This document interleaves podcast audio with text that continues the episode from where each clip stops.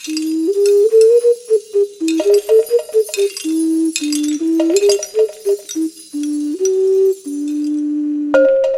Janine. Dag Anneleen. Dit is onze podcast Van een mooi bord kun je niet eten. En wij maken een reeks afleveringen over jouw bordjes. Vandaag zitten we al aan bordje nummer 13. Nummer 13. Mooi getal, hè? Ja. Ja. Ligt daar dan allerlei ehm, bijgeloofmateriaal op vandaag? Mm, nee, ik was niet bezig met de nummering. Maar wat wel leuk is om te vertellen, ze komen echt uit mijn laatste stook. Ze Ah. zijn nieuw. Dus het is eigenlijk totaal niet het dertiende gemaakte Nee, nee, ik hou de volgorde niet zo goed aan. Eigenlijk maak je gewoon een nieuwe volgorde voor de podcast. Ja, en ik volg daarin mijn gevoel. Dus ik eh, had deze uit de oven en ik had echt zoiets, ik was er blij mee. Dus dan mag dat wel een beetje naar voren geschoven worden. Hè? Dus eh, nee, ook in de bordjes die, die we ophangen, daar zit geen volgorde echt in. Die nummering is een, een toevalligheid, zoals ik met al mijn bordjes werk. Dus eh, Ja, en ik kan me voorstellen dat bij het ophangen dat je ook echt nadenkt over wat waarnaast en ik ben veel meer bezig met de compositie. En dat is ook de reden waar, of ja, waar ik in deze reeks nu mee bezig ben geweest. Met een aantal van de bordjes uit de laatste stook was blijkbaar compositie heel belangrijk voor me. En heel grappig, toen ik ze inpakte om mee te nemen, dus hier naar de studio, was dat ehm, eh, zoeken. Wat is nu eigenlijk de bovenkant en de onderkant? Want de bordjes hebben een boven- en een onderkant, omdat ze hangen aan de muur. Normaal heeft een bord geen boven- of onderkant, want het staat voor je en alle kanten zijn ja, evenwaardig. Ehm, maar bij deze bordjes eigenlijk niet, en die maak ik ook wel om te hangen. Dus daar zit een boven- en onderkant aan. En bij dit bordje was het echt wel even zoeken, wat is nu de bovenkant of de onderkant? Dus ik heb Oh, mijn beslissing gemaakt. En Anneleen, wat zie je? Ja, ik was al de hele tijd aan het proberen te kijken, maar je hield het mooi naar jou gericht. Ehm, ik zie een kleine sculptuur, eh, nog in de kleur van de klei, het beige. En dan zie ik eigenlijk een heel schilderwerk met glazuren in donkerblauw, donkergroen en heel licht fel geel. Ja. Ja. Ehm, het is echt wel een compositie, een beetje. Van het, het heeft een, een bovenkant en een onderkant. En het, het, ik heb ook echt, denk ik, wel gezocht, aldoende naar een, een evenwichtige compositie. Ook al is natuurlijk het sculptuurtje dat erop ligt wel behoorlijk zwaar, hè? Ja, dat bepaalt wel wat. Dus, eh, maar dus zo, het, het zit niet helemaal van onder. Het zit een beetje op vijf uur, het sculptuurtje. Ja, ik denk ook als het iets meer naar negen uur had gestaan, dan zou ik er ook meer een oor in zien. En nu voelt het meer als een bootje of zo. Het is, het is- Ik, het, het is voor mij wel een beetje een landschapje. ja, het, het heeft dieptezicht. Ja. Ehm, over dit bordje, wat kan ik vertellen? Ehm, het is ontstaan in de glazurenreeks die ik aan het maken was rond eutectische glazuren. Heb ik eutectische glazuren Nee, alles niet. over gehad?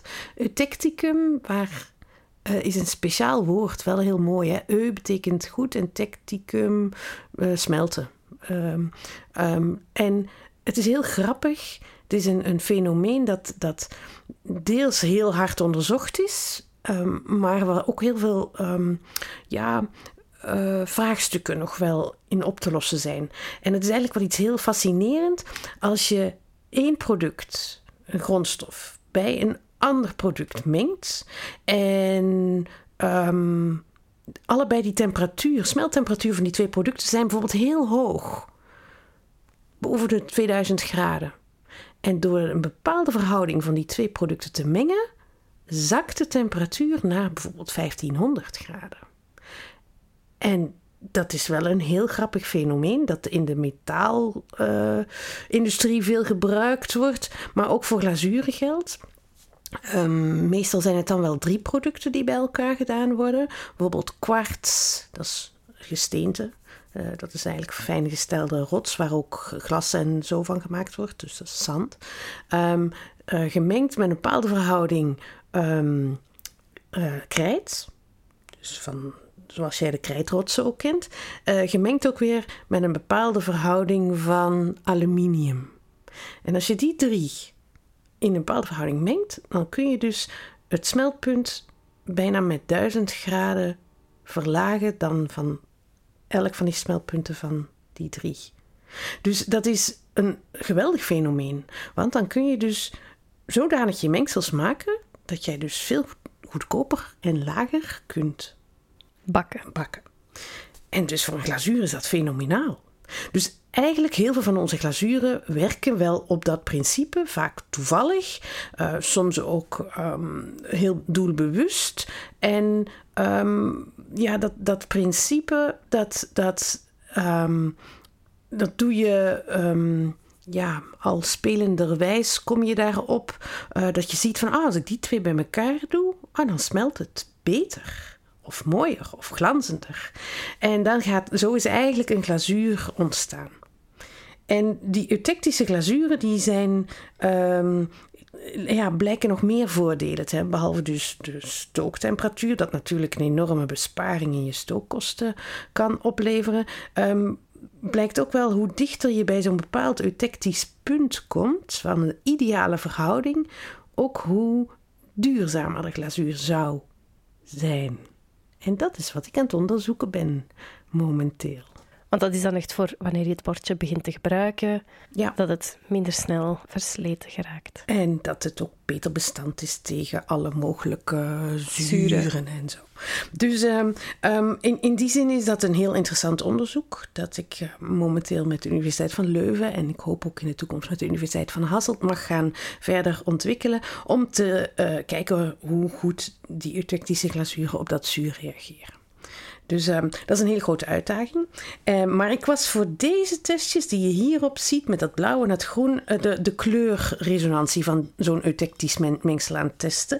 En bepaalde van die eutectische mengsels, ja, die zijn gewoon dul, saaie, leveren saaie glazuren op. Maar ik vind uh, deze best wel um, vibrerende kleuren geven. En dat um, uh, werkt zelfs door, doordat die glazuur een beetje doorcijpelt in de andere glazuren die ernaast liggen. En ik vind dat wel de moeite om eens te onderzoeken. Um, dus ja, het heeft weer een vervolg voor dit bordje wel een keer. Nog één vraag. Had je van dit bordje kunnen eten? Ja, die test heb ik nog niet gedaan. nog niet met rabarber in de koelkast uh, gezet? Uh, uh, heel eerlijk, in dit glazuur zit barium en ik ga daar toch niet van eten. Wat is barium? Een giftig grondstof. Um, ja, het, theoretisch dus zou het moeten kunnen. Dus laten we het eerst testen en dan weet ik het te vertellen.